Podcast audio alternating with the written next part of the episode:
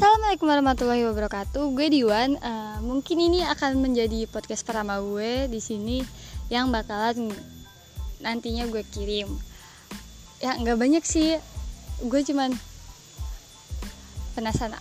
Emang gue udah lama pakai aplikasi ini kan Spotify, tapi cuman ya denger lagu sama dengerin podcast podcast dari orang lain.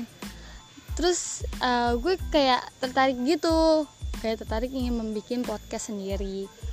Dan juga kebetulan banget tugas kuliah gue jadi disuruh bikin podcast sama ibu dosen tercinta tentunya. Jadi ya udahlah uh, kali ini gue bakal bikin podcast gitu kan. Dan mungkin uh, selanjutnya podcast gue akan gue isi dengan seperti kayak berita-berita, info-info pokoknya kalian harus tunggu aja. Stay tune dan semoga kalian betah dengerin gue gue ngomong-ngomong seperti ini bawel di sini ya. Maklum aja ya. Semoga kalian betah. Oke okay, bye bye